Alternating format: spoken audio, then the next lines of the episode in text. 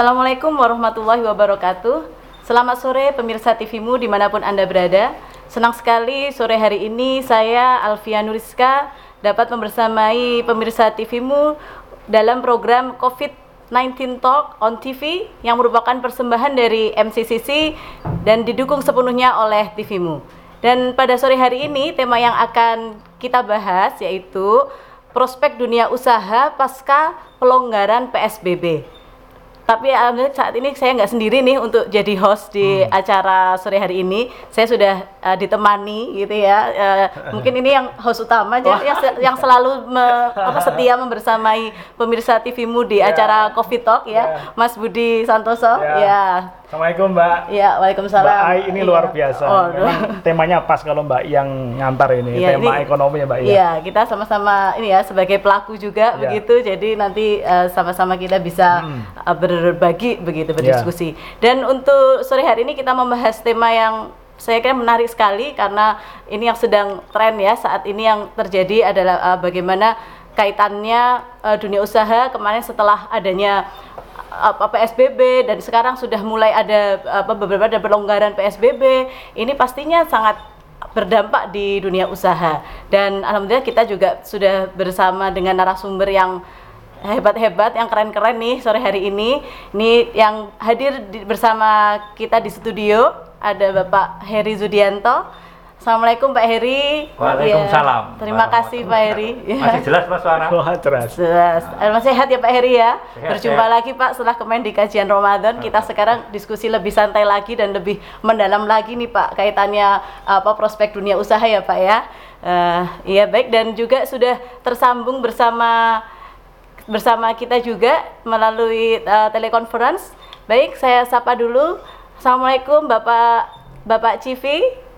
Ya, Waalaikumsalam Mbak Mila, Mas Budi, dan Pak Eri. Iya, iya Pak. Uh, Bapak Civi ini merupakan dirut dari direktur utama dari PT Jasa Armada Indonesia Tbk. Begitu ya Bapak ya. Ini yang ya, tadi ya, ya. sudah sedikit ada apa menyampaikan bahwa uh, perusahaan ini me, untuk angkutan dari di laut begitu yang untuk ya. yang itu ternyata porsinya paling besar dibandingkan di darat dan juga di udara. Nanti bisa, uh, bisa lah Bapak bisa menyampaikan ke pemirsa TVmu Bapak untuk gimana sih sebetulnya ini apa PT Jasa Armada ini dan gimana dampaknya di perdagangan ya jalur perdagangan di dunia usaha di perdagangan ini uh, dengan adanya uh, COVID-19 ini Bapak ya.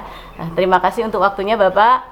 Baik, uh, gimana nih ya, Mas Budi? Jadi Mbak I, ya. memang uh, diskusi kita kali ini adalah terkait dengan ekonomi. Ini menarik ya. Uh, sebenarnya kita juga ngundang juga Pak Wisnu Wijaya. Beliau deputi uh, strategi BNPB, tapi oh, iya. saat ini beliau sedang rapat mendadak dengan Kepala BNPB Pak Doni.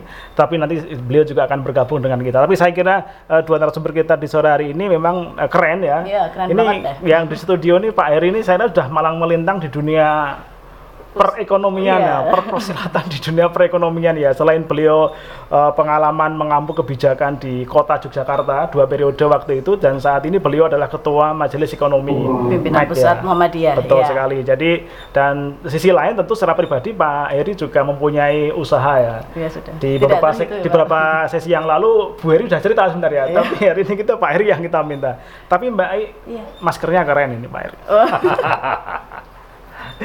Dan tentu uh, juga yang mau tampil di TV harus keren. Oh iya, oh, iya, betul sekali. Oh iya, jadi pada saat sebelumnya kita berdua juga pakai masker uh, protokolnya, tapi yeah. pada saat live kita lepas uh, berjarak dan sebagainya. Pak Civi ini uh, saya kira juga uh, pas sekali untuk kita ajak ngobrol tentang ekonomi Mbak I, karena Pak yeah. Civi ini luar biasa saya lihat karirnya itu loh uh, dari dasarnya naiknya luar biasa, prestasinya luar biasa. Jadi banyak bisa, belajar dari Pak Budi.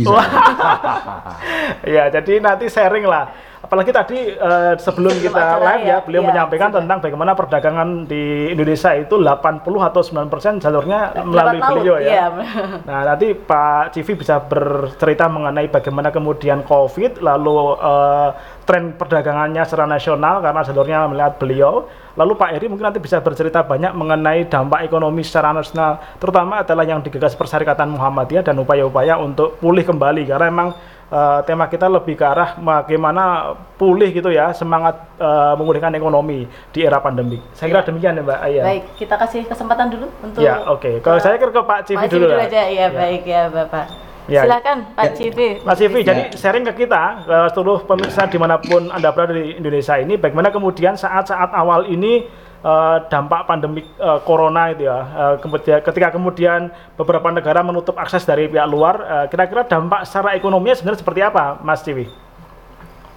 Ya, terima kasih uh, Mas Budi, uh, kemudian Mbak Mila. Jadi saya ingin menyampaikan dulu prolog bahwa masa depan sebuah bangsa, masa depan Indonesia ini tidak bisa hanya dibebankan kepada seorang presiden wakil presiden, menteri-menterinya, itu ya BUMN beserta anak perusahaan BUMN.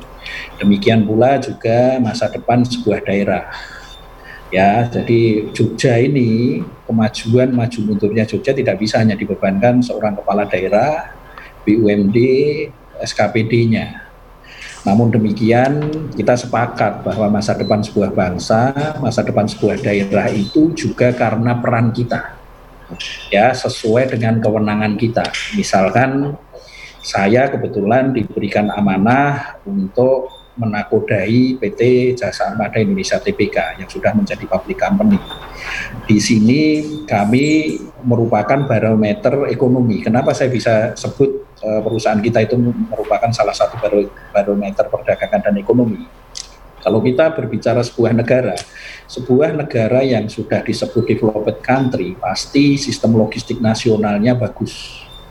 Nah, kita Indonesia sekarang masih developing country. Kita jangan berbicara memimpikan sistem logistik nasional kita berkelas dunia. Kalau pengelolaan pelabuhan atau terminal itu tidak berkelas dunia. Demikian pula juga jangan berharap pelabuhan berkelas dunia kalau pelayanan dari perusahaan kita, pemanduan dan penundaan itu tidak berkelas dunia. Artinya bahwa perusahaan kita itu mengambil uh, uh, mendapatkan amanah peran yang besar. Jadi kapal-kapal dari luar negeri itu yang per orang dan pelayanan pertama yang ditemuin itu adalah kita kalau pelayanan kita, orang-orang kita itu melayani dengan bagus, mereka akan mempersepsi bahwa Indonesia itu akan bagus. Tetapi kalau kita melayani tidak bagus, maka mereka akan mempersepsi negara kita itu juga tidak bagus. Nah, dengan inilah ketika kami bisa membawa PT JITBK ini world class, maka embrionya, efek dominonya akan ke pelabuhan berkelas dunia, terus kemudian juga ke daerah daerahnya juga akan bisa sejajar dengan negara-negara lain, kemudian Indonesia juga bisa tidak bisa dipandang sebelah mata lagi. Nah, dalam kaitan ini, Mbak, jadi uh, bisa dibilang bahwa 90% arus perdagangan di sebuah negara apalagi sebuah kepulauan gini 90% itu pasti itu lewat laut. Lah positioning kita karena kita itu di Priok ya di uh, 10 provinsi itu uh, arus perdagangan itu 60 persen itu ada di Priok. Ya, selebihnya di Surabaya, terus kemudian di Medan dan di Makassar. Nah, sehingga ketika arus perdagangan yang ini uh, diindikator dengan apa uh, menurunnya arus kapal atau arus barang, nah ini bisa menjadi indikator uh, apa tren uh, menurunnya perdagangan ya yang akan mempengaruhi tumbuh tidaknya uh, pertumbuhan ekonomi kita. Nah, posisi sekarang hmm. uh, apalagi di pandemik ini, jadi harus ada strategi-strategi yang harus kita lakukan. Oke, Mas Cipi, saya kira ya. kalau strategi saya kira kita bahas di segmen nanti ya. ya. Ini ya. tapi saya kira menarik tadi ketika 90% ya. Uh, Mbak I ini sudah bergabung juga ya, dengan Pak kita ya. ya. Pak Wisnu ya. ya. Kita sapa dulu ya. Dulu ya. Ya. ya. Uh, baik, ini sudah bergabung bersama Bersama kita hmm. Bapak Insinyur Bernardus Wisnuwijaya, beliau merupakan Deputi Bidang Sistem dan Strategi BNPB. Ya, uh, selamat sore Bapak Wisnu. Sore. Ya, terima kasih. Mohon maaf Bapak terlambat Wisnu. ini tadi. Iya, ya Bapak-bapak. Terima kasih ini untuk waktunya sudah bisa hadir bersama kami. Ya, eh, ini kita kami membahas ini Pak prospek dunia usaha pasca pelanggaran PSBB. Pelonggaran. Mungkin, iya, pel pelonggaran. pelonggaran PSBB, maaf. 11 12 tipis-tipis Pak, tipis-tipis. Ya, mungkin nanti Bapak Pak Wisnu Ya. bisa sampaikan kaitannya Nah. bagaimana eh, dari segi tetap menjalankan protokol-protokolnya ya, Ya. walaupun eh, di dunia usaha seperti ini, walaupun sudah ada pelonggaran di PSBB ini begitu Bapak. Jadi Pak Wisnu tadi eh, Mas Civi dari Direktur PT eh, di IPCN Marin di di, eh, Priok sudah menyampaikan beberapa hal terkait dengan bagaimana kemudian arus eh, perdagangan saat ini di era pandemi. Pak Wisnu mungkin lebih ke arah bercerita begini, strategi nasional karena beliau deputi strategi Mbak. Eh, iya, strategi, Jadi ya. strategi nasional, jadi kalau kemarin ya ke depan. Jadi karena kita berbicara adalah ke depan, strategi nasional ke depan agar kemudian dunia usaha ini pulih kembali. Kira-kira kalau ya Pak Wisnu ini juga tokoh eh, pengurangan risiko bencana eh, di Indonesia itu sangat diakui oleh dunia ya. Pak Wisnu cerita dong ke kita semua eh, strategi nasionalnya seperti apa sih Pak ke depan Pak? Baik, terima kasih. Eh, saya eh, apa namanya yang terkait dengan memandang suatu apa eh, bencana dari awal sebelum ada COVID kami juga sudah pada pemikiran bahwa eh, bencana ini bisa dipandang dari dua sisi ya. Satu bahwa itu eh, suatu musibah kalau kita meli- melihatnya negatif, tapi juga bisa menjadi suatu berkah kalau kita melihatnya dari sisi positif. Dari mana kita melihat itu? Nah dari COVID ini juga sebenarnya kalau kita lihat di COVID ini juga suatu pembelajaran yang luar biasa kepada kita bahwa kita dituntut untuk menja- me- apa, menjadi mandiri, kemandirian menjadi penting. Dengan adanya pandemi yang seluruh dunia terkena, itu kita sudah tidak bisa lagi bergantung dengan negara lain karena kebutuhan yang sama. Sehingga pada saat ini eh, pemerintah telah banyak mensupport, mendukung beberapa kebijakan untuk percepatan-percepatan industri-industri yang terkait dengan eh, penanganan COVID ini. Dan kami berharap juga nanti di bencana juga eh, sama dengan yang kita hadapi saat ini. Indonesia memang selayaknya menjadi pusat industri solusi bencana. Hmm. Nah ini eh, eh, Ya, ke depan kita harus berpikir ke sana dan nyatanya sekarang Indonesia itu sebagai penghasil APD terbesar di dunia. Oh. Tetapi sayangnya bahan bakunya itu harus impor Nah, itu. tetap tidak lepas dari. Tetapi karena tekanan COVID ini, itu kita berhasil mengeluarkan eh, bahan baku dan diakui men- mendapatkan ISO untuk bahan baku APD yang premium eh, level 3. Sritek yang bisa ya, yang menghasilkan itu. Artinya kita ditantang selalu Indonesia itu kalau ditantang seperti ini keluar macam-macam idenya. Kita juga sudah bisa menghasilkan ventilator walaupun bukan ventilator yang paling ujung yang yang paling ini tetapi kita ventilator yang emergensi kita sudah mampu. Kemudian juga eh, banyak hal termasuk eh, apa terkait dengan eh, laboratorium PSL 3 itu kita eh, dua itu kita sudah punya dan itu eh, mobile kita memiliki. Jadi banyak hal termasuk obat-obatan yang tadinya 90% itu bahan bakunya dari luar, kita sudah mencoba mengarah ke sana. Nah, ini yang yang kita eh, terus dorong. Jadi kita melihat ini sebagai peluang yang luar biasa bagus. Nah, kemudian di dalam hal untuk eh, setelah pasca eh, apa eh, PSBB di sebenarnya sih nggak dilonggarkan ya, tapi memang eh, tekanan kita saat ini kalau kita melihat bencana ini kompleks emergensi. Ancaman kita itu tidak hanya COVID-nya saja, tetapi juga bagaimana kita mengelola ancaman di belakang COVID ini berupa ancaman bencana yang terkait dengan ekonomi, kemudian ada sosial, itu harus kita manage. Jadi kita harus balance di dua itu. Kalau kita terus tekan di di, eh, di COVID-nya, mungkin kita tidak akan tahan terhadap eh, sosialnya. Contoh Amerika itu dengan satu pemicu, kemudian sosialnya terjadi social unrest dan merata, bahkan sekarang loncat ke Eropa juga terjadi seperti itu karena ketahanan sosialnya. Indonesia masih untung karena kita punya eh, ikatan cukup bagus ya, eh, kegotong royongan dan saling memperhatikan ikatan itu masih sangat kuat. Nah ini sampai kapan bertahan? Makanya ada yang Ya. istilahnya tadi pelonggaran, tapi lebih sebenarnya lebih ke membalance antara aspek di kesehatan dengan aspek di kehidupan sosial dan ekonomi. Itu kita kita mainkan di Ya. sana. Nah ini juga Ya. saya kira ada banyak peluang. Pertama kalau kaitannya ek- ekonomi ini ke individu, kita menggunakan uh, apa namanya uh, jaring apa uh, sosial untuk ke mereka kita beri uh, banyak dukungan-dukungan uh, kepada masyarakat yang terkena PHK dan sebagainya itu kita bansos kita berikan kepada mereka. Nah selanjutnya setelah itu itu mestinya ekonomi-ekonomi yang kaitannya dengan ekonomi rumah tangga kerakyatan.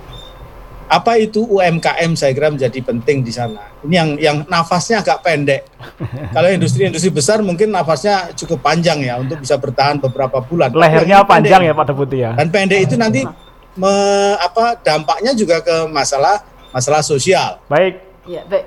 Kira-kira seperti itu. Iya. Jadi ini uh, target kita seperti itu. Kita harus uh, ada kemandirian dan saya kira itu bisa kita dorong. Ya. Saya ada beberapa Baik. nanti contoh okay. saya ya. sampaikan ya. beberapa uh, yang bisa mendukung UMKM dan itu juga dari Jogja saya kira idenya yang ya. eco printing nanti saya akan paparkan sedikit. Ya, menarik sekali Bapak Wisnu. Pak Wisnu nanti kita bisa lanjut lebih mendalam lagi begitu Bapak. Kita Monggo silakan. Ya, kita pemirsa TVmu kita akan jeda selepas jeda selepas ya, kita akan lanjut setelah jeda berikut ini.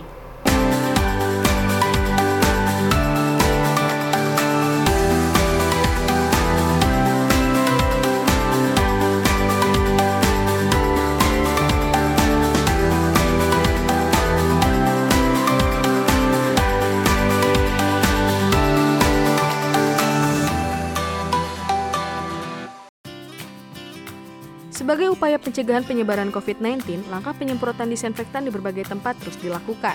Muhammadiyah COVID-19 Comment Center bekerja sama dengan berbagai pihak melakukan penyemprotan disinfektan di berbagai tempat, seperti fasilitas umum, tempat ibadah, dan sekolah-sekolah. Sampai saat ini, penyemprotan disinfektan telah dilakukan di 48.954 titik, di antaranya 10.422 tempat ibadah, 32.092 fasilitas umum, 5.959 sekolah, serta 481 gedung amal usaha Muhammadiyah. Ingat, disinfektan hanya untuk benda mati dan simak panduannya di Instagrammu COVID-19. Tetap jaga jarak, jaga kebersihan, selalu cuci tangan dan menggunakan masker. Bersatu perangi Corona.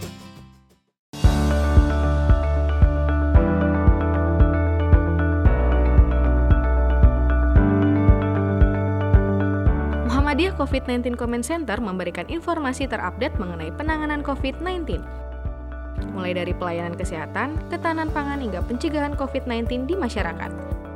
Informasi dikemas dalam bentuk live press conference yang tayang satu kali dalam satu pekan dan disiarkan langsung dari kantor pimpinan Pusat Muhammadiyah Yogyakarta.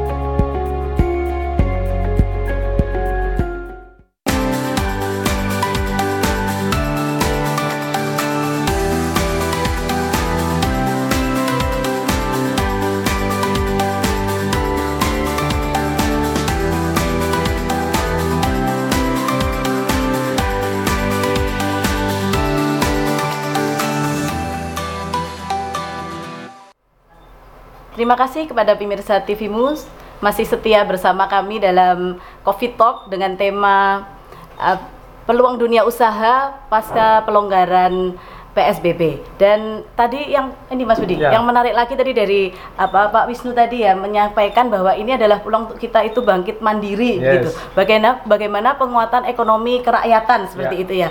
Nah, ini saya kira ini sangat erat kaitannya Pak Heri ini yang sudah apa banyak uh, ahlinya gitu ya Pak di bidang ekonomi kerakyatan dan ini mungkin Muhammadiyah Pak. Bagaimana Muhammadiyah sendiri ini uh, bis, menangkap apa bagaimana peluang dunia usaha ini untuk untuk peluang ekonomi ke depan pasca pandemi Covid ini Pak. Bagaimana Muhammadiyah sudah berperan apa dan kemudian warga Muhammadiyah ini harus seperti apa sih Pak gitu. Ya, terutama ya. adalah dunia usahanya Muhammadiyah. Ya, Karena Muhammadiyah punya punya amal usaha, Muhammadiyah ya. banyak sekali ada sekolah, ada ya. perguruan tinggi, ada macam-macam. Monggo Pak Eri. Ya, jadi pandemi Covid ini saya kira multifaktor, multisektor semua terkena ya artinya faktor-faktor saling mempengaruhi, saling dependence untuk saling terkait dari kesehatan, ekonomi hingga sosial, termasuk dunia usaha. Saya rutin mengadakan pooling kecil-kecilan lah di, di, di, di Twitter. Selama lima, lima kali setiap minggu saya adakan hmm. bagaimana perkembangan dunia usaha. Jadi mostly katakanlah hampir 80% itu buruk atau terus memburuk. Itu minggu ke minggu masih minggu kemarin 20% lah ada yang baik dan membaik. Yang membaik itu mungkin telekomunikasi dan sebagainya ya. Kemudian obat-obatan ya sekarang iklan obat-obatan menjadi luar biasa. Dan dan kebutuhan pokok itu saya kira stabil atau malah membaik. Tapi 80% mostly bicara buruk atau makin buruk. Kalimat buruk atau memburuk itu omset di bawah 50% ya. Turunnya ya, Pak, ya? ya tapi saya puling minggu terakhir kemarin yang membaik sudah sudah meningkat. Ya. Kalimat membaik itu itu bagi saya itu harapan karena terus terang memang dunia usaha tanpa ada kegiatan manusia yang normal itu juga pasti akan sangat berhenti terganggu. semua ya. Kemudian saya sangat setuju sekali membawai momentum COVID-19 ini menjadi momentum Indonesia bisa momentum untuk stop import yang mudah-mudahan momentum ini dari kalimat terpaksa ke depan menjadi political will akhirnya justru tidak berubah kalau situasi sudah normal ini misalkan momentum keterpaksaan tapi harapan saya menjadi momentum kebijakan yang hmm. yang ya. yang firm ya, ya bahwa memang kita sesungguhnya ternyata bisa ya. pertanian kemudian tadi alat APD dan sebagainya kemarin contoh kan masih ada ada yang mempersalahkan APD kok masih import dan sebagainya hmm. sehingga ada tadi berita bahwa Indonesia sebenarnya ternyata padahal Indonesia sudah cukup mampu menjaga APD ya. sehingga itu inilah harapan kita memang dari keterpaksaan akhirnya menjadi political will khususnya di Muhammadiyah pun juga sebetulnya Muhammadiyah kan sudah mencanangkan bahwa fondasi Muhammadiyah di samping kesehatan pendidikan pada muktamar di Makassar yang lalu pilar adalah ketiga, ya. pilar ketiganya adalah ekonomi dan ini juga ternyata mendapatkan momentum yang luar biasa bagaimana Muhammadiyah yang selama ini berjamaah dari sisi pendidikan, kesehatan, keagamaan, bagaimana mampu berjamaah dari sisi ekonomi. Sehingga tahun dua tahun yang lalu kita sudah mulai membentuk jaringan saudagar Muhammadiyah. Akhirnya kita menyadari bahwa kita harus berjejaring. Tapi momentum COVID inilah justru saya melihat lebih lebih mau mempush ya, ya. perlunya kita jejaring ayo tuku. Tuku nek iso ya duwe kanca sing sing iso nyuplai ra ayo adol. Adol ya adol karo si si kanca sing iso berjejaring ini ya. enggak. Dan itu akhirnya malah intens sekali. Dan mudah-mudahan ini juga menjadi momentum bahwa di jaring-jaring Muhammadiyah ini sekarang nanti akan kita bicara minggu depan ini kita akan bicara telur hmm. nasional. Kita sudah ada pengusaha yang luar biasa dari aspek telur, hmm. ternak telur sudah besar sekali jutaan, ya. tapi belum jejaring. Habis itu kita akan bicara uh, retail. Ya. Hmm. Kita juga ada contoh di di Ponorogo dan di Jatim ya, itu ya. Soryamart itu luar biasa. Itu kan kita kembangkan. Kemudian kita juga bicara yang frozen food dan sebagainya. Sayangnya kita kehilangan salah satu tokoh ya. pengusaha ya. ekspor terbesar apa uh, maka hasil olah laut ya. Ikan, ya uh, Pak Najih ya kemarin Najib, ya. meninggal dunia beliau adalah ketua MEK yang sekarang saya gantikan. Ya. Beliau sebetulnya adalah eksportir terbesar uh, pengolahan ikan di Indonesia ini. Jadi ke ini harapan saya dengan COVID tadi ya. nanti pemerintah political will-nya bisa lebih kuat bagaimana membangun ekonomi Indonesia yang lebih kuat dengan kemandirian ya. Kemandirian itu dalam arti tidak terus kita putus hubungan dengan luar, tapi bagaimana kalau kita bisa buat sendiri, kenapa harus ya. import gitu ya? Dan itu ada gerakannya sekarang kalau nggak salah namanya bela beli produk Muhammadiyah. Muhammadiyah ya, ya. atau Aisyah ya Aisyah kalau ya, Aisyah ya, udah ada, Indonesia sudah udah kita rumuskan lah bela beli atau ya. tukar tuku iya. Muhammadiyah atau apa. Ya. Tapi yang penting adalah menjalin bagaimana kita ternyata bisa untuk berjejaring dan dengan berjaring itu ya. kalau kita bicara bahwa Muhammadiyah itu adalah sampai ranting dan iya. sebagainya kita akan akan bicara kearifan lokal, ekonomi lokal, iya. itu yang, yang justru kita tidak ya, ya kita kita memang ada tidak ada juga bicara skala besar tapi justru yang lebih penting adalah skala-skala kecil ya kecil tadi yang Pak Wisnu sampaikan tentang nah, UMKM tadi itu ya. Dikelola oleh ranting. Ranting itu tingkat uh, desa. Desa, desa ya. dan sebagainya. Mudah-mudahan ini saya saya setuju dengan Pak Wisnu ambil hikmahnya yeah. di balik kesulitan ada kemudahan. Tapi Insya tadi Allah. menarik yang Pak Eri sampaikan mengenai uh, ekspor ya. Ini kan ya, ya.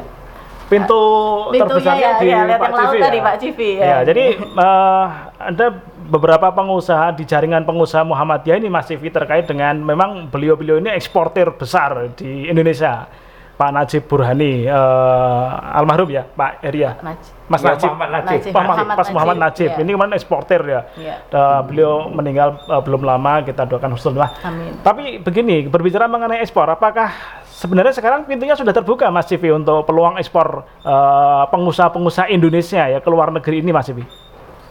Jadi kalau dilihat dari arus perdagangan, jadi kita kan masih defisit itu impor lebih besar dibandingkan ekspor. Hmm. Apalagi di posisi saat ini COVID-19 ini, ini eh, pelabuhan-pelabuhan tujuan eh, tujuan ekspor itu kan mereka masih menghentikan hmm. lockdown lah, itu berpengaruh.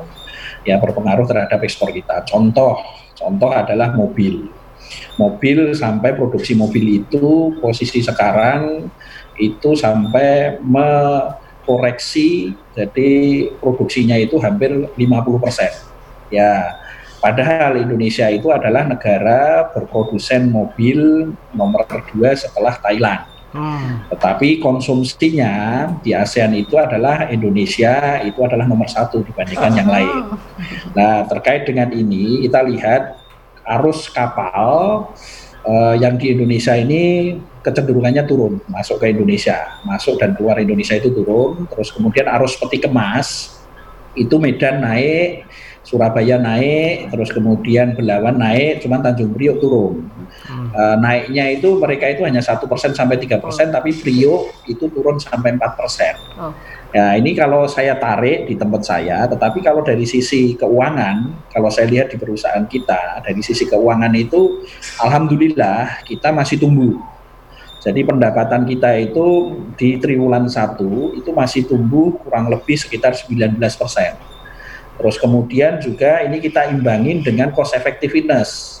Ya, cost effectiveness dari biayanya itu hanya tumbuh cuma 16 persen. Labanya tumbuh 35 persen ya artinya sebenarnya dengan adanya pandemi saya, saya tadi setuju dengan Pak Wisnu dan Pak Heri jadi penghematan yang dilakukan uh, terkait dengan pandemi ini sungguh luar biasa hmm. terutama dalam koordinasi bagaimana kita yang selama ini kita harus datang ke 10 area uh, pelayanan kita di 10 provinsi itu sudah menghemat biaya uh, biaya akomodasi, biaya transportasi, ya, terus kemudian semua uh, biaya konsumsi, terus kemudian juga rapat-rapat semua harus dipaksa menggunakan online, gitu ya. Terus kemudian kalau kita lihat di realisasi April, di realisasi April juga masih tumbuh, pendapatan masih tumbuh, terus kemudian uh, volume juga masih tumbuh, terus kemudian juga laba masih tumbuh. Nah, kenapa kok bisa tumbuh? Jadi perlu kami sampaikan. Jadi kita meyakinkan kepada para pengguna jasa bahwa pelayanan kita sebagai ujung tombak dari sistem logistik Indonesia bahwa kami taat dan patuh kepada protokol COVID dari BNPB.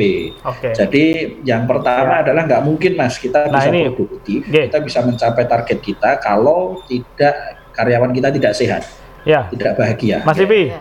ya saya kira menarik tadi mengenai protokol yang dikembangkan BNPB hmm. sekaligus role modelnya hmm. nanti kira-kira kita ke Mbak Wisnu setelah ini ya, ya. Mbak Aya. Ya, tapi, tapi mungkin... kita harus break terlebih dahulu ya. ini ya.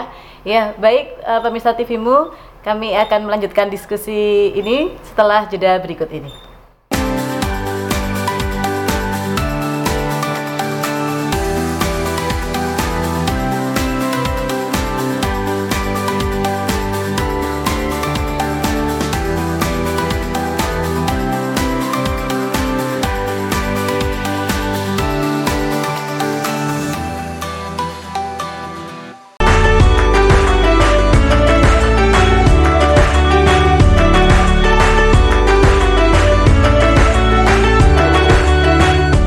COVID-19 terasa jelas di sektor ekonomi, terutama kebutuhan pangan masyarakat. Muhammadiyah COVID-19 Comment Center dari pusat wilayah daerah cabang hingga ranting telah membagikan paket sembako kepada masyarakat terdampak COVID-19.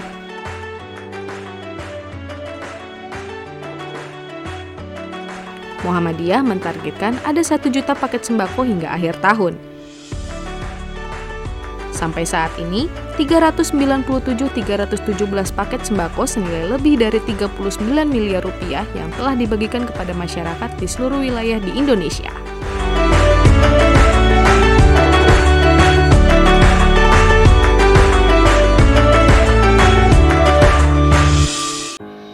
Selamat pagi untukmu yang selalu memulai dengan yang halal. Memulai yang pertama dengan semangat. Memulai menyebarkan inspirasi. Kecantikan sejati dimulai dari inovasi tanpa henti. Kebaikan dimulai dari yang halal. Wardah halal dari awal. Rumah sakit menjadi garda terdepan dalam penanggulangan COVID-19 dan dapat juga menjadi benteng terakhir maka dari itu, Rumah Sakit Muhammadiyah Aisyah siap menjadi rumah sakit yang melayani pasien COVID-19 dengan dukungan fasilitas yang optimal. Saat ini, telah ada 77 rumah sakit Muhammadiyah Aisyah yang membantu dalam penanganan COVID-19. Bahkan, tidak hanya itu, Muhammadiyah juga mewujudkan rumah sakit darurat untuk penanganan COVID-19. Ikhtiar ini sebagai wujud Muhammadiyah dalam membantu pemerintah memerangi COVID-19 bersatu perangi Corona.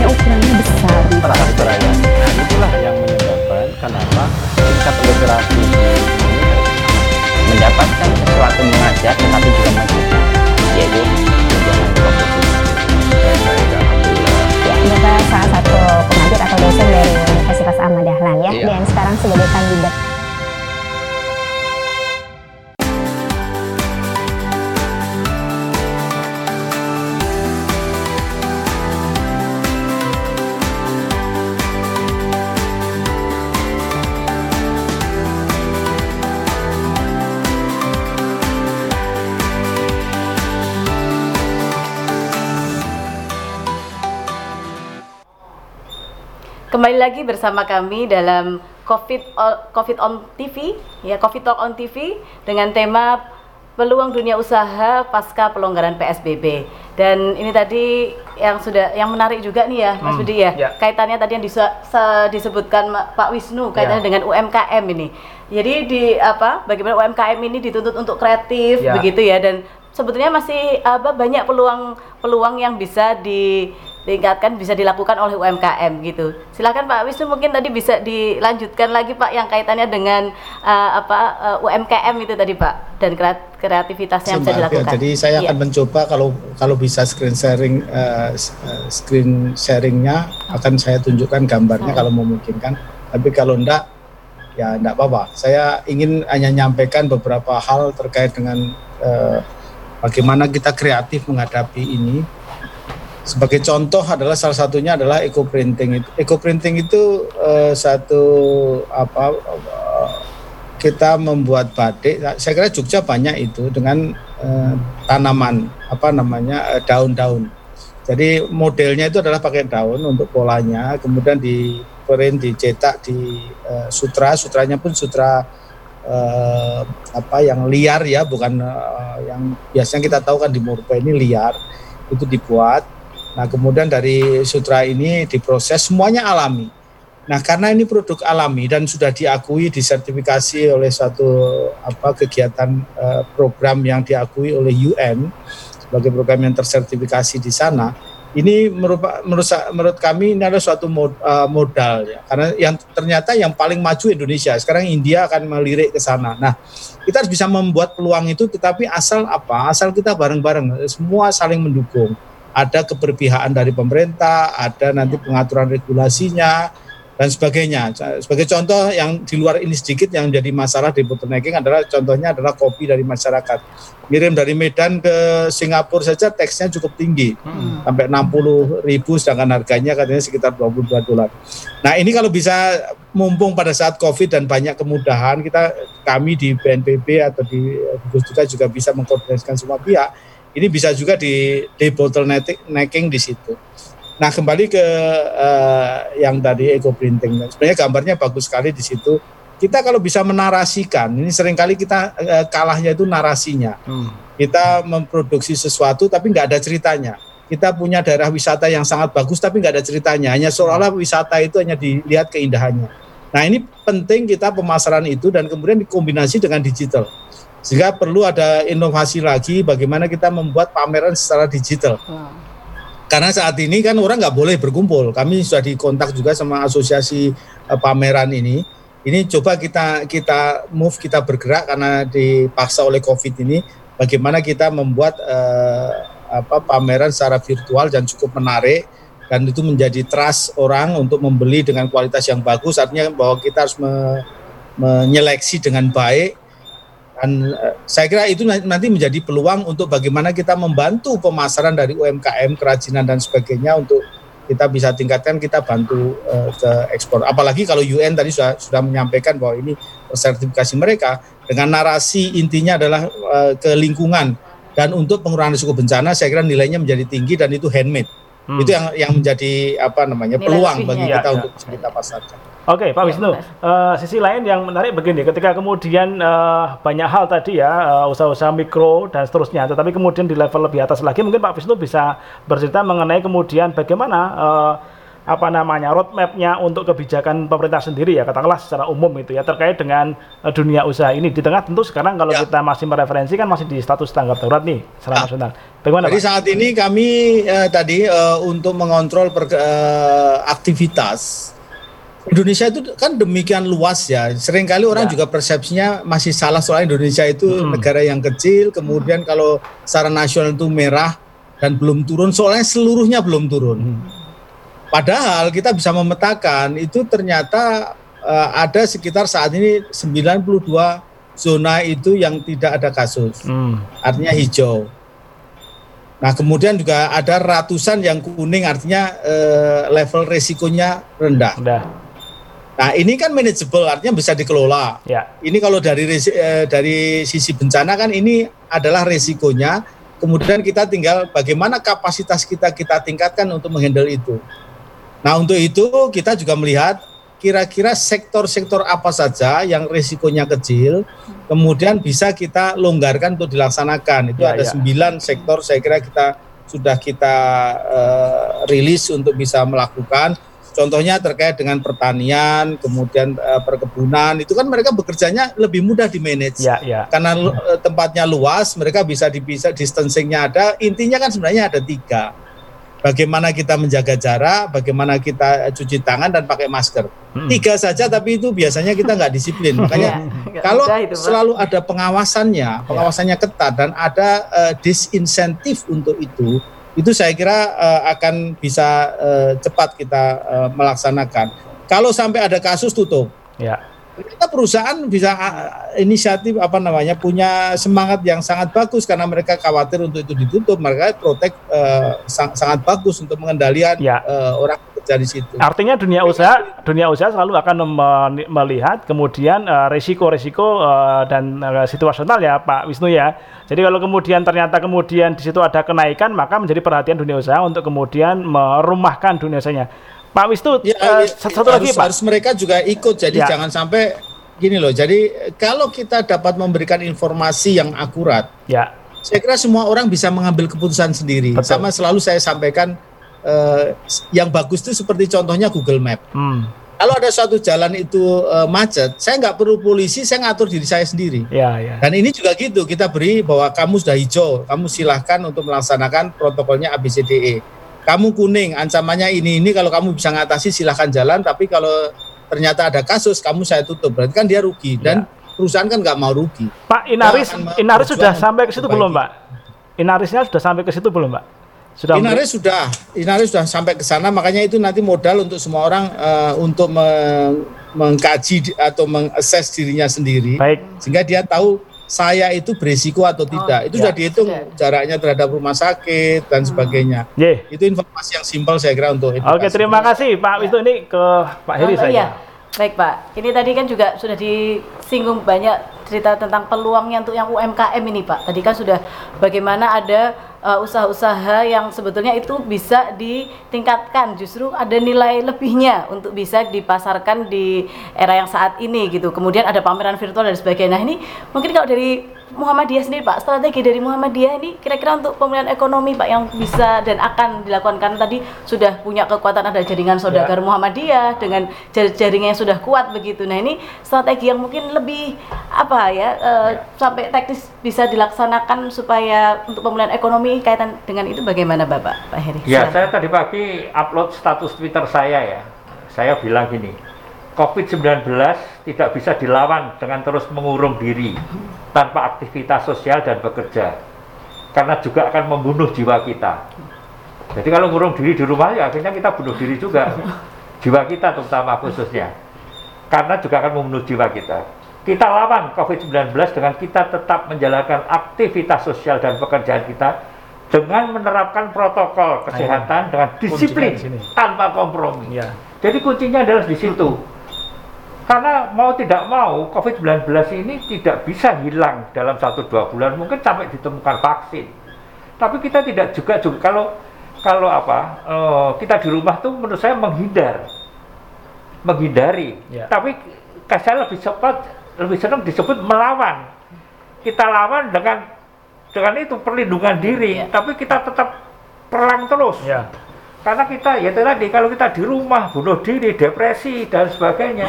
Khususnya bunuh diri dalam arti ekonomi, ekonomi termasuk ya, ekonomi betul. yang terutama. Ya. jadi saya setuju dengan katakanlah wacana katakanlah era new normal.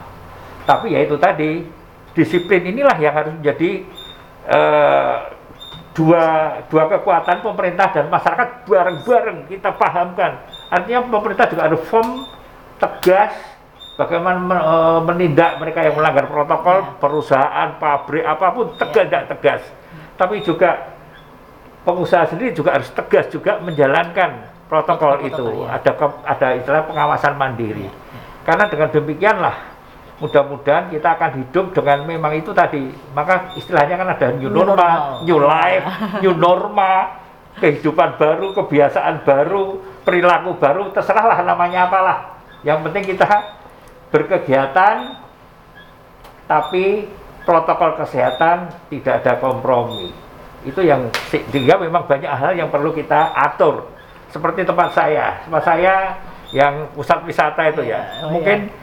Tahun kemarin adalah dikunjungi terbanyak ya, ya, hariannya karena memang lagi baru lagi ya. tren lagi in booming booming tahu-tahu kena covid harus tutup dua bulan ya. tapi alhamdulillah kemarin oleh Pemda Gunung Kidul tempat wisata saya ya Skyview dijadikan pilot project, divideokan oh, iya. untuk dilombakan secara nasional. Hmm. Bagaimana mempersiapkan nanti seandainya buka. Oh, iya. Ini loh protokol yang yang benar. Dan saya sangat mendukung itu. Karena saya betul-betul menyiapkan betul sehingga orang juga berwisata pada itu ya kebutuhan itu sudah kebutuhan. Jangan hanya karena Covid terus Ya itu tadi malah uring-uringan nang omah ya. Gitu. Baik, kira-kira gitu lah. Iya. Makasih Pak Eri. Ya, jadi kalau nggak ada aktivitas itu memang sangat berpengaruh sama ekonomi, oh, iya. perekonomian ya, bergerak iya, ekonomi ya. itu iya. karena aktivitas, tanpa aktivitas ekonomi iya. juga gerak. Akhirnya ya itu bunuh diri juga. ya tapi lagi-lagi Mbak tetap bahwa protokol itu kuat. Iya, ya. itu. Nah, itu kuncinya kesadaran dan, untuk menaati protokol ah, kesehatan ya. itu, Pak. Tidak ya. ada kompromi. Dan keselamatan jiwa itu di atas segalanya ya. ya saya baik, selalu teringat ya kalau saya ngobrol dengan Pak Deputi ya Pak Wisnu itu Mas Budi. Pertama adalah satu orang meninggal itu nilainya tak tergantikan maka keselamatan jiwa itu di atas segalanya. Tentu kemudian topangan ekonomi dan yang lain itu mengikuti. Ya. Ya, ya. baik ini saya menarik semakin panas kayaknya diskusinya hmm, semakin ya. apa mendalam. Tapi kita harus uh, break terlebih dahulu. Baik pemirsa kami akan kembali setelah jeda berikut ini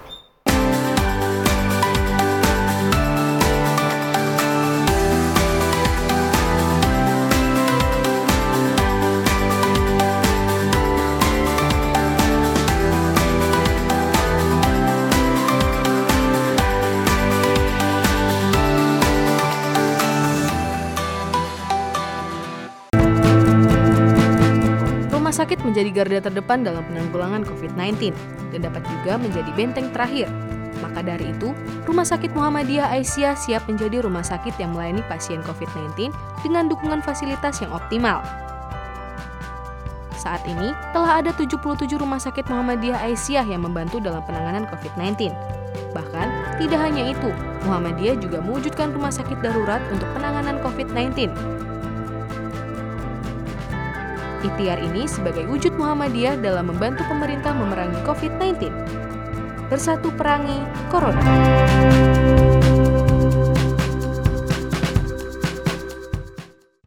Batik nasional Muhammadiyah sudah menjadi kebanggaan bagi setiap warga Muhammadiyah. Bahkan, pimpinan pusat Muhammadiyah secara resmi menggunakan batik nasional untuk pertemuan nasional maupun internasional dua kader Muhammadiyah Iqbal dan Sarah meraih medali emas di kejuaraan pencaksilat Asian Games menjadi bagian ikon brand ambasador batik nasional Muhammadiyah. Kami bangga berbatik nasional Muhammadiyah. Untuk pemesanan lebih lanjut, hubungi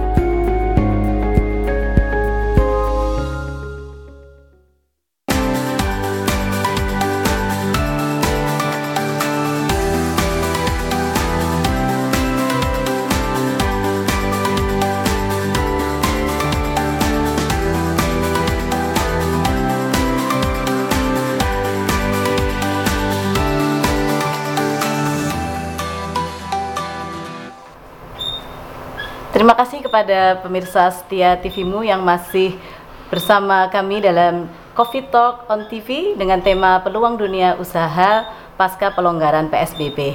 Ya ini Mas Budi kayak ya. tadi apa sudah banyak hmm. yang disampaikan baik intinya juga memang banyak bagaimana sih intinya protokol kesehatan ini tadi ya, ya yang harus kes, harus dikuatkan, harus sosialisasi seperti apa, e, baik dari pemerintah, masyarakat dan pelaku-pelaku usaha ini harus tertib mentaati itu semuanya ya. supaya apa perekonomian ini juga bisa pulih tetapi e, kita istilahnya tadi melawan tetap kita tuh melawan covid tapi tetap dengan beraktivitas ya Pak Eri ya, ya tapi gitu. yang perlu diingat adalah bahwa tentu jangan sampai kemudian muncul klaster-klaster baru karena kemudian tidak mengindahkan tadi atau ya. mengindahkan hal tadi ya. itu ya pasti klaster itu bukan karena kegiatannya tapi ya. protokol kesehatannya ya. yang ya. tidak yang, di yang dijalankan kalau ya. saya lihat ini kita ke Pak Civi kayaknya ya. uh, Mas Civi jadi kalau kemudian kita lihat secara nasional begitu uh, peluang prospek uh, bagaimana kemudian ekonomi di Indonesia, terutama ekonomi rakyat lah ya, ekonomi mikro ya, karena sebagian besar warga kita itu kan di ekonomi mikro, agar kemudian pulih. Bagaimana kemudian dari sudut pandang uh, di Pak CV? Ya, ekonomi mikro itu kan tergantung kepada ekonomi makro kita, tingkat pertumbuhan ekonomi kita. Jadi uh, Menteri Keuangan pemerintah sudah mengatakan itu terburuk itu kita mungkin sekitar uh, pertumbuhannya 0% lah, walaupun itu tumbuh. Tapi kita harus lihat secara internasional bahwa internasional itu pertumbuhannya negatif ya itu juga harus kita lihat kita nggak bisa tutup mata uh, terhadap kondisi global. Nah, dengan uh, kondisi keseimbangan antara faktor kemanusiaan, sosial dan ekonomi ini sesungguhnya menumbuhkan semangat kemandirian yang luar biasa. Baik uh, perusahaan-perusahaan multinasional, BUMN, BUMD maupun UKM. Saya ingin bercerita sedikit Pak, ketika bulan Maret kemarin awal Maret itu sudah memasukin uh, Indonesia itu protokol COVID sudah diberlakukan saya karena pegawai kita itu adalah uh, dari 800 orang itu pegawai kita itu yang 500 atau 80 persennya itu dia stay di laut, hmm. Jadi di kapal, dia nggak boleh ke darat. Nah, artinya dia ujung tombak dan saya selalu datang ke kantor. Kenapa? Saya ingin menunjukkan moral dukungan kepada mereka bahwa saya hadir di tengah-tengah mereka ya layani dengan baik dengan protokol COVID yang sesuai dengan anjuran pemerintah. Semua masker kita penuhin, terus kemudian hand sanitizer kita penuhin, jaga jarak kita penuhin, terus kemudian juga pemeriksaan rapid. Nah, pemeriksaan rapid itu juga dibiayai kantor semua. Terus kemudian juga kalau terbukti reaktif itu ada tes lanjutan, jadi ronsen paru, terus kemudian suhu tubuh, terus kemudian juga cek lab tambahan kalau ada gejala COVID berarti dia langsung isolasi. Tapi kalau dia tidak menunjukkan berarti menunggu hasil swab. Dan keluarganya juga kita biayai semua. Hmm. Perawatannya kita jamin pokoknya jangan khawatir semua biaya di, ditanggung oleh kita uh, semuanya. Alhamdulillah itu menunjukkan kekuatan yang luar biasa. Mereka melayani dengan baik, melayani dengan disiplin tanpa ada was-was. Bagi yang sakit kita kuatkan moralnya, jangan uh, biar imun tubuhnya meningkat gitu ya Nah, sehingga ketika kita dengan seperti itu, itu customer kita juga akan melihat bahwa kita pun melayani dengan protokol COVID yang ada, jadi merasa aman mereka itu. Ya. Jadi inilah yang ingin kita tunjukkan pada para pengguna jasa kita bahwa kita uh, melayani dengan protokol COVID yang alhamdulillah bisa dilihat hasilnya. Hasilnya alhamdulillah juga pendapatan tumbuh, volume tumbuh, laba tumbuh. Di sisi lain, nah ini untuk UMKM ini ya. Jadi bagaimana kita mengefektifkan biaya ketika nanti asumsi atau proyeksi penjualan kita itu berkurang, pendapatan berkurang, berarti ada sisi yang penghematan. Nah, artinya walaupun ekstrimnya adalah volume kita kurang, pendapatan kita kurang, kita masih bisa menekan biaya untuk agar kita bisa untung.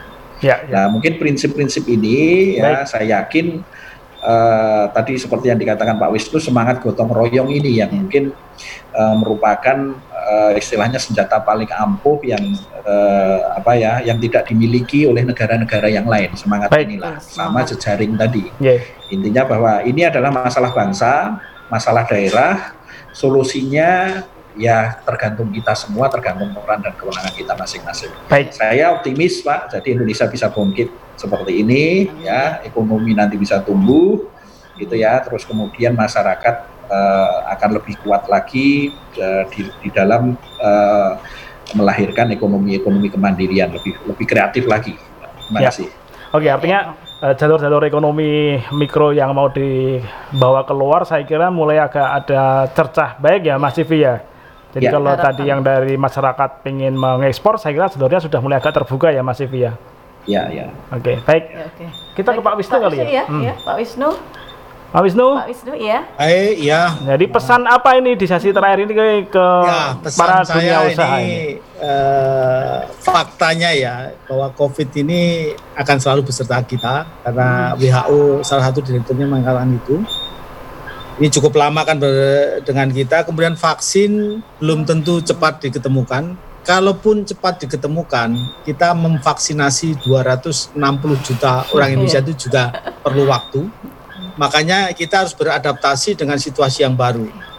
Pak Presiden waktu kunjungan kemarin ini pertama kali Presiden mengunjungi Badan Nasional Penanggulangan Bencana maupun Bakornas itu dan duduk di mejanya komando di hmm. Pusdal Op itu menyampaikan bahwa tugas kita itu belum berakhir. Beradaptasi bukan berarti bahwa kita menyerah, apalagi kalah. Tapi mengubah perilaku dengan kebiasaan-kebiasaan baru sesuai dengan protokol kesehatan. Jadi harga matinya itu protokol kesehatan. Ini yang harus kita pegang, kebiasaan kita harus mengarah ke sana supaya tadi kita nggak sampaikan Pak Eri tadi, kita bunuh diri kalau hanya diam hmm. saja ciptakan masyarakat yang produktif tetapi aman COVID. Hanya dengan merubah perilaku. Karena apa? Lingkungan kita sudah berubah. Jadi jangan sampai berpikir new normal itu normal yang lama dibawa ke sini. Jangan. Tapi ini beradaptasi dengan dan kemudian ya tadi sampaikan juga sempat di dengan dengan adanya COVID ini komunikasi kita mungkin baru pertama kali ada suatu rapat dihadiri oleh seluruh bupati wali kota seluruh Indonesia 514 biasanya ada yang izin ya Pak Kalau ya? kita harus perjalanan ke sana berapa pengiritannya Pak? Nah ini kita manfaatkan untuk efisiensi di dalam eh, melakukan eh, kegiatan-kegiatan ekonomi. Saya kira itu saja. Ya. Jadi ini belum berakhir. Kita tahu ah, masih ada peningkatan, iya. Tetapi kita harus lepas dari itu beradaptasi. Kita bisa mengatur diri supaya semuanya selamat tapi produktif. Ya, Saya kira- ya, Ya, baik. menarik. Jadi, Jadi ya, ini jadi namanya protokol kesehatan ini tadi ya. Betul sekali. Dan sebenarnya memang saat ini kita belum kalau dalam aman. eh, apa namanya perspektifnya MCC ya Muhammadiyah COVID-19 Campaign Center bahwa saat ini kita terus akan berjuang untuk melawan corona. Iya. Iya. Tetapi berjuangnya melawan corona tentu tadi ya banyak hal harus tetap kita produktif ya.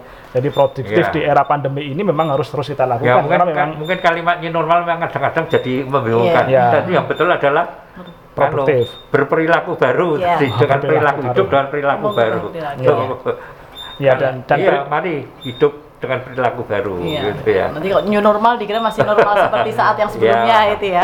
Iya, baik. Dengan lebih semangat gitu ya Pak. ya dan Iya. Harus, bergembira. harus semangat Pak. Harus, harus ya Pak ya. Iya. Iya, baik Pak Heri ini eh, untuk yang terakhir sesi terakhir ini untuk Pak Heri, Pak Heri Hmm. Ya, bagaimana nih Pak? harapan saya memang nanti pasti yang akan bangkit paling mudah cepat bangkit itu sebenarnya UMKM. UMKM itu juga cepat cepat katakanlah turun, Iya. Oma, tapi kalau bangkit juga paling cepat. Iya. Nah, harapan saya adalah pemerintah dalam hal apa khusus Kebijakan ya. kebijakan untuk stimulus ekonomi perhatikan justru yang UMKM ini kerahkan aja di situ nggak perlu lah ya pengusaha-pengusaha besar nangkesek ora Bisa bangkit sendiri ya, Pak? bangkit sendiri lah ya jadi fokuskan aja ke UMKM anggarannya karena dialah yang akan paling bangkit dan paling akan meng, apa, melibatkan banyak orang gitu loh ya toh coba angkringan lah katakanlah modal 3 juta 4 juta itu udah melibatkan berapa orang itu Berapa keluarga Berapa- terhidupi iya, ya Pak ya? Iya, Betul. hanya itu hanya padat modal sekali ya. Kemudian juga tentunya Muhammadiyah terus akan terus koordinasi saya selaku Majelis Ekonomi Iya. berkoordinasi dengan apa pemerintah untuk bagaimana kita bersama-sama bergerak untuk membangkitkan kembali khususnya ekonomi rakyat ini. Iya. Optimis Jadi- di balik kesulitan Iya, pasti insya Allah ada ada kemudahan. Iya, jadi itu Allah yang bicara. Oke, Iya, jadi- baik terima kasih Pak Eri ini menarik Mbak. Ah, Jadi eh, tentu poin-poin yang kita diskusikan ini adalah bungkus utamanya adalah tentu eh, bagaimana kemudian produktif di era pandemik. Iya. Yang pertama adalah tentu keselamatan jiwa menjadi prioritasnya. Tadi iya. Pak Wisnu menyampaikan bahwa saat ini ada zona merah, kuning, Hijau, hijau, di iya. beberapa daerah ya dan di aplikasi Inaris eh, saya sih berdoa semoga sudah ada itu eh, sehingga nanti saya bayangkan peternak yang ada di Seragen gitu bisa buka aplikasi Inaris Pak Iya. Wisnu. Wah, aku saiki neng zona hijau. Nah, misalnya gitu. Kan bisa sudah ada. Oh, sudah ada, ya? Kan silakan. Ah, Bisa misalnya dibuka. gitu. Berarti ya. lebih ke sosialisasinya nih mungkin Iya, ya. iya, karena kalau kita benar-benar- berbicara UMKM kan peternak, Iya, petani, petani. ya kayak gitu Dan kan. itu tadi sudah mulai dilonggarkan ya, Nah, termasuk. 9 sektor yang sudah diizinkan. Saya tadi, pikir jaringan internet ini sekarang sudah teruji. Ya. Karena Ini. juga school, schooling Iya. from home ini Betul. juga semuanya itu juga menggunakan e-learning. Jadi Iya. semua sudah terbiasa lagi dengan Iya. sistem digitalisasi. Iya. iya. Ya, semuanya kan Semua. mudah. Anak-anak kita itu pasti lebih pinter daripada kita. Iya. kita menemukan Sudah. cara berkomunikasi online. yang baru. Iya. COVID ini- dengan COVID ini kita menemukan terus kemudian dan yang menarik ini Pak dengan Ya, penghematan yang luar biasa yang itu untuk mempertahankan Betul, perusahaan itu pelatihan Pak. Coba pelatihan Pak Wisnu kalau pelatihan 2 juta belum nanti akomodasinya dan lain sebagainya 5 juta kita dengan e-learning 100 ribu eh, 100 ribu berarti kita dengan 5 juta tadi bisa 500 kali Pak. Iya. Penghematan Kan- besar sekali ya tambah Pak ya. pinter, ya. Jadi Efisiensi itu itu, ya. gitu ya. Itu Luar biasa. Iya. Iya, baik, baik, eh, terima kasih. Saya kira eh, diskusi kita sangat menarik, Mbak Ai. Iya, Dan sebenarnya masih belum- panjang kita iya, akan berdiskusi. lagi ya Pak. Mungkin nanti bisa Iya. lain waktu Iya. kita undang beliau-beliau untuk hadir lagi. Iya, dan Iya, saya harus datang ke studio kan hanya karena rumah saya lima menit. Iya. Kalau lebih dari lima menit saya minta zoom juga ini. Iya. minta virtual aja. Iya.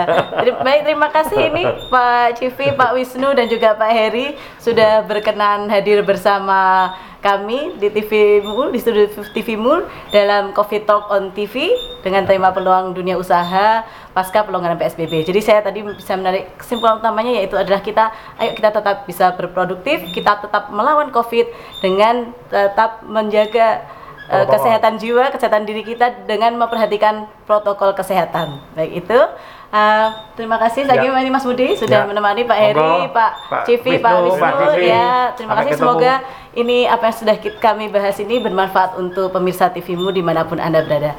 Kurang lebihnya kami mohon maaf. Wassalamualaikum warahmatullahi wabarakatuh. Waalaikumsalam.